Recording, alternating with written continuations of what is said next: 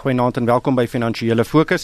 My naam is Ryk van die Kerk en ons gesels nou vanaand weer oor die week se belangrikste sake nuus. Om met te help eh, uit die Kaap gesels Jan van die Kerk, hy is die uitvoerende hoof van die beleggingsgroep RCM. Goeienaand Jan. Hallo Ryk. En saam met my in die ateljee is Johan Gous, hy is hoof van Absa Batekonsultante. Goeienaand Johan. Goeienaand Ryk. Johan, ek wil begin by die uiters welkome hofuitspraak um, wat hierdie week gelewer is en dit wat bevind het dat die openbare beskermer mag uh, het nie die mandaat om die Reserwebank se ekonomiese mandaat te verander nie. En dit was van kritieke belang omdat die onafhanklikheid van die Reserwebank is eintlik een van die grootste pluspunte van ons ekonomie. Dis iets waarna graderingsagentskappe gereeld verwys. Ehm um, wel hierdie uitspraak is verwag, ehm um, maar dit is nog steeds 'n baie baie belangrike uitspraak. Dit is reg want dit gaan uh, werklik soos jy gesê die onafhanklikheid van van die instellings van ons is is van kardinale belang en die Reserwebank het in Dinsdag se uitspraak deur die konstitusionele hof sy aansoek wat hy op 1 Augustus gerig het om die OB se voorstel om die Reserwebank se konstitusionele mandate verander te syde te stel, het hy toe nou geslaag mee. Ehm um, die Reserwebank hoef ehm um, ook nou nie meer 'n aksieplan in uh, vir weet in hierdie verband op die tafel te sit nie en die OB moet nou ook die kostes verbonde aan hierdie aansoek betaal tot en met die saak afgehandel is. Nou die OB het uh, aangevoer aan aanvanklik dat die Reserwebank se mandaat uh, verander moet word om die sosio-ekonomiese welstand van die land se burgers te help verseker en ook tot sosio-ekonomiese transformasie te lei. Maar die Reserwebank het gesê die OB se versoek was irrasioneel en dat hy nooit 'n geleentheid gehad het om werklik kommentaar te lewer op hierdie kwessie nie. En die konstitusionele hof het gesê dat die OB buite sy magte opgetree het en op die parlement se eksklusiewe terrein begin beweeg het deur 'n kwessie aan te raak wat niks te doen gehad het met die OB se aanvanklike uh, ondersoek na Bankkorp nie. En die Reserwebank uh, se goewerneur meneer Ganjago het dit ook duidelik uitgespel dat die Suid-Afrikaanse Reservebank se primêre doelwit is om die waarde van die geldeenheid te beskerm in die belang van gebalanseerde, volhoubare ekonomiese groei en dat elke sentrale bank in die wêreld hierdie mandaat het. Jan, die hierdie uitspraak oor die uh, mandaat van uh, die openbare beskermer het in baie opsigte die die tweede aspek van hierdie hele ding oorheers en dit is dat uh, sy het ook vir Absa uh, of, die onder die spesiale ondersoekeenheid gelas om daar meer as 1.1 miljard rand by Absa te gaan vat wat hulle skynbaar gebaat het um, uit daai destydse bankkorp lening. Ehm um, weet wat wat dink jy is die posisie nou van daai saak? Ehm um, Ja, ek uh, ek weet nie of Johan dit ook so goed bestudeer het nie, maar my indruk is dat um, daar nie regtige uitspraak was uh, rondom die geldigheid oor haar magte in daai verband nie en ek vermoed die antwoord sal wees dat weet die openbare beskermer het uh, die mag om so ondersoek uh, weet te gelas. Die groot vraag vir Suid-Afrikaners is eintlik maar hoe die openbare beskermer nou prioritiseer want daar's 'n hele klomp sake wat aandag moet kry. Ons weet dat die parlement en die regering die begroting vir die openbare beskermer maar redelik onder beheer hou so weet met beperkte bronne moet hierdie instansie uh weet jy hulle kan goed ondersoek en dit lyk asof hulle nou weet eerder hulle tyd gaan spandeer om hierdie saak te ondersoek as iets wat ons almal dink meer dringend is. Ja.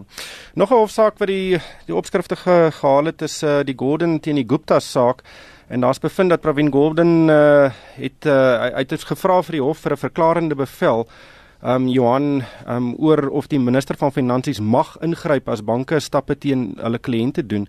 En dit hou natuurlik verband met die Guptas uh en wie die banke, al die kommersiële banke het hulle rekenings gesluit en toe die Guptas vir die vir Gordon gevra om in te gryp en en die banke nou te aan te sê om hulle rekeninge weer oop te maak wat hulle toe nie gedoen het nie, maar ehm um, hulle die hof het toe besteen Gordon beslis gesê hulle gaan nie 'n verklarende bevel uitreik nie want dit hulle kan nie weet betrokke raak by iets wat die uitvoerende gesag oor moet besluit nie.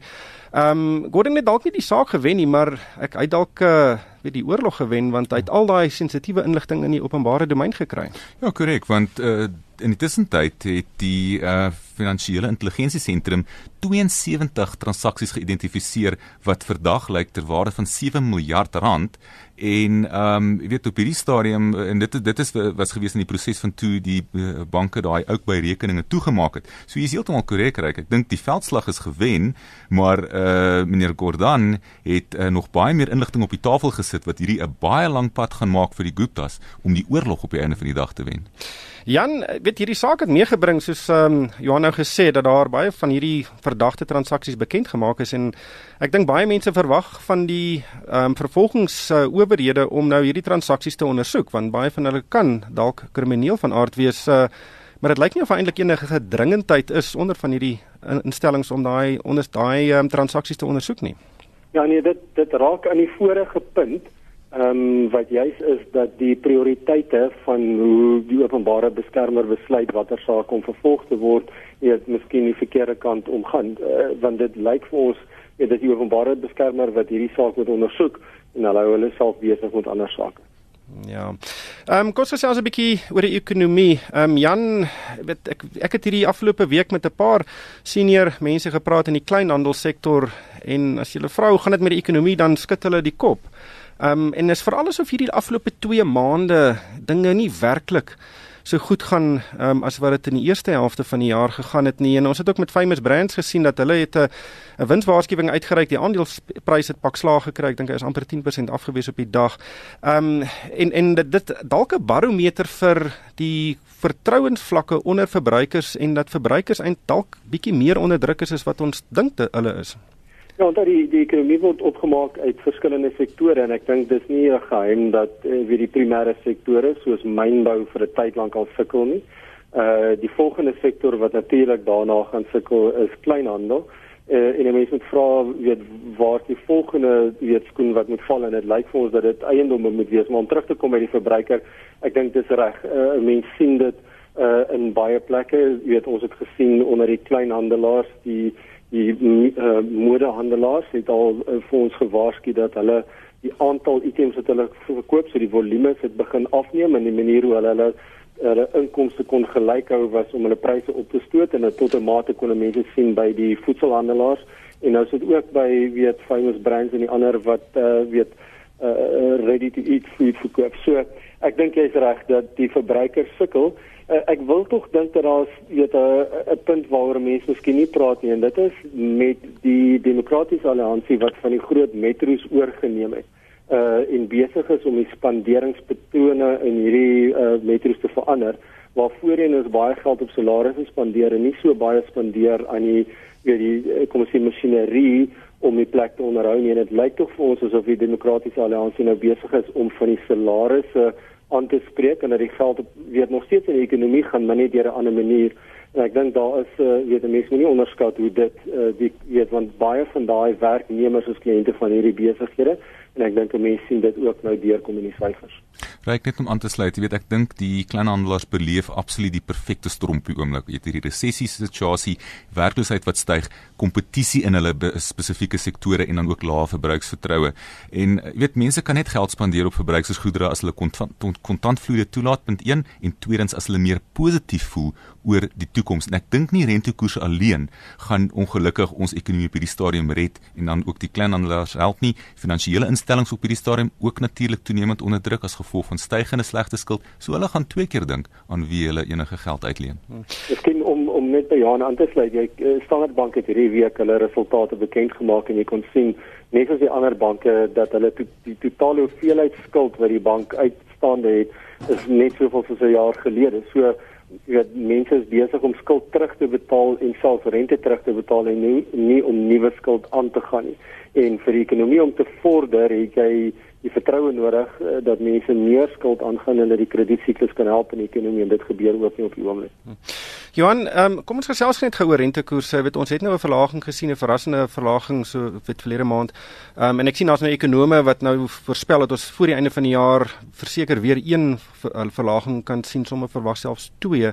Dink jy dit kan genoegsame verskil maak om 'n bietjie uh, bietjie lewe in ons ekonomie te blaas? Ja, dit kan reik, maar dit moet dan nou nie 'n kruk word word vir die regering om te sê maar okay, want dit, as as as ons dit kan kry, dan hoef nie noodwendig te fokus op die ander goed wat ons eintlik meer moet op fokus wat meer struktureel van aard is nie. So my kommer is net hoe gouer ons nou rentekoerse afbring, hoe gouer gaan ons weer rentekoerse moet begin lig, want inflasie gaan uiteindelik wel dan weer 'n 'n faktor raak. Ja, kan ek miskien net 'n punt daar maak? Ehm um, weet in, internasionaal is inflasie nie 'n probleem nie. Ehm um, en dit lyk weet ten spyte daarvan dat rentekoerse baie laag is vir 'n verskriklike lang tyd dat inflasie nog nie 'n probleem geraak het nie. So Suid-Afrika is nie 'n invoerder van inflasie nie en ons sien enige inflasionêre druk in die Suid-Afrikaanse ekonomie nie. Is jy regtig bekommerd vir 'n uh, radikale hoër inflasie in die kort termyn? Ja. Ehm um, Johan, ons het ook gesien hierdie week dat die uh, BRICS Bank het sy kantoor in Johannesburg geopen. Dis die eerste uh, tak buite Shanghai. Dis natuurlik die uh, BRICS um, se nuwe ontwikkelingsbank wat nou 'n teenvoeter is vir die Wêreldbank en van, van die ander groot internasionale uh, finansierder. Ehm um, nou dit was maar 'n uh, weet trompoppies en fluitte wat geblaas het. Ehm um, maar wat wat is jou indruk van van hierdie bank? Uh, daar was reeds 'n ja. lening aan Eskom toegestaan, uh, 2,4 miljard rand as ek uh, reg kan onthou. Uh, maar dit was vir 'n hernubare energieprojek en ons nooit getrek op hy lening nie want Eskom belê nie op die oomblik in hernubare energie ja. nie. Net miskien een stapie terug, uh, Ryk, weet meneer Zuma het hierdie uh, of donderdag die Afrika streeksentrum van die nuwe ontwikkelingsbank bank wat deur die BRICS lande gestig is geopen en hierdie ooreenkoms is toe nou by die 6de BRICS beraad in Julie 2014 onderhandel. Die die BRICS bank uh, se fokus uh, gaan wees op die finansiering van volhoubare ontwikkeling en infrastruktuur in lede-lande sowel as in ander opkomende en ontwikkelende markte. So ja, daar is al reeds 2.6 miljard uh, dollar se fondse beskikbaar. Daar gaan nog so 900 miljard uh, miljoene dollar se fondse hooplik in Januarie 2018 uh, beskikbaar raak en uh, dit is so daar is al reeds sewe projekte wat goedgekeur is. En ja, ek dink weer eens mense moet seker maak dat hierdie geld gaan na die projekte wat dit werklik nodig het. Jan, dink jy daar's weet 'n plek vir so 'n bank? Ehm um, weet dit is dit word geposisioneer as 'n teenvoeter vir die uh, Wêreldbank onder vir veral um, omdat en hulle vir daar word verwag dat dit nie altyd sulke drakoniese voorwaardes gaan hê aan lenings nie. Wat, wat is jou indrukke oor die bank? Ja, ek dink eh, weer die oorspronklike idee van 'n BRICS bank wat moet help met ekonomiese ontwikkeling in weer die derde wêreld is nie 'n slegte idee nie. Ehm um, ja die instansies wat vir jare lank al geld uitleen aan lande wat ekonomies in die moeilikheid kom, het al geleer dat daar's maar 'n klompie reëls wat geld is hier vir, vir iemand geld leen en jy wil die kapitaal terug hê.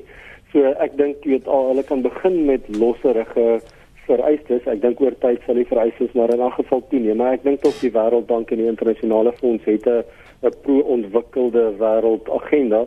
Ja, daar is 'n plek vir 'n BRICS bank in in die wêreld dit moet net reg bestuur word. Ryk net baie belangrik om te noem, hierdie lande sal kan geld leen in hulle eie geldeenhede. Dit beteken dat die wisselkoersrisiko is dan uit uh, daai projek uit en dan ook dit kan lei tot goedkoper finansiering. Ja, ek dink enige geld vir ontwikkeling is is uitstekend veral in Afrika. Ja, ons nog so 'n minuut oor uh, die markte. Jy weet ons het hierdie week die se plaaslike mark bietjie asem gehaal, maar uh, tog is ons nog taamlik baie sterk uh, en en ons het 'n baie goeie Julie ook gehad. Ek dink ons het amper met 8% gespring in Julie.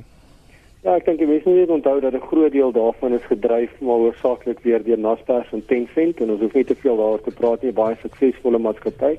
Uh die ander punt wat ek miskien wil maak is internasionaal het twee maatskappye dit reg gekry Tesla en Amazon het ongelooflik hoeveelhede geld geleen in die afgelope week teen rentekoerse wat ek dink besonder laag is. Amazon het oor die 15 miljard dollar geleen om uh, Whole Foods oor te neem en hulle betaal 5% rente. Ja, hulle betaal 2.3% rente terwyl uh, Tesla het uh, weet omtrent dieselfde hoeveelheid hulle het 5 miljard dollar geleen om hulle gigafabriek mm. te bou en hulle betaal 5% rente. Ehm um, dit voel vir my dis baie laer rentekoerse wat hulle betaal. Ja. Ongelukkig hierdie tyd ons ingehaal. Baie dankie aan Johan Gous van Absa en uh, Jan van die Kerk van RCM en van my ryk van die kerk. Dankie vir die saamluister en ek koop almal 'n winsgewende week.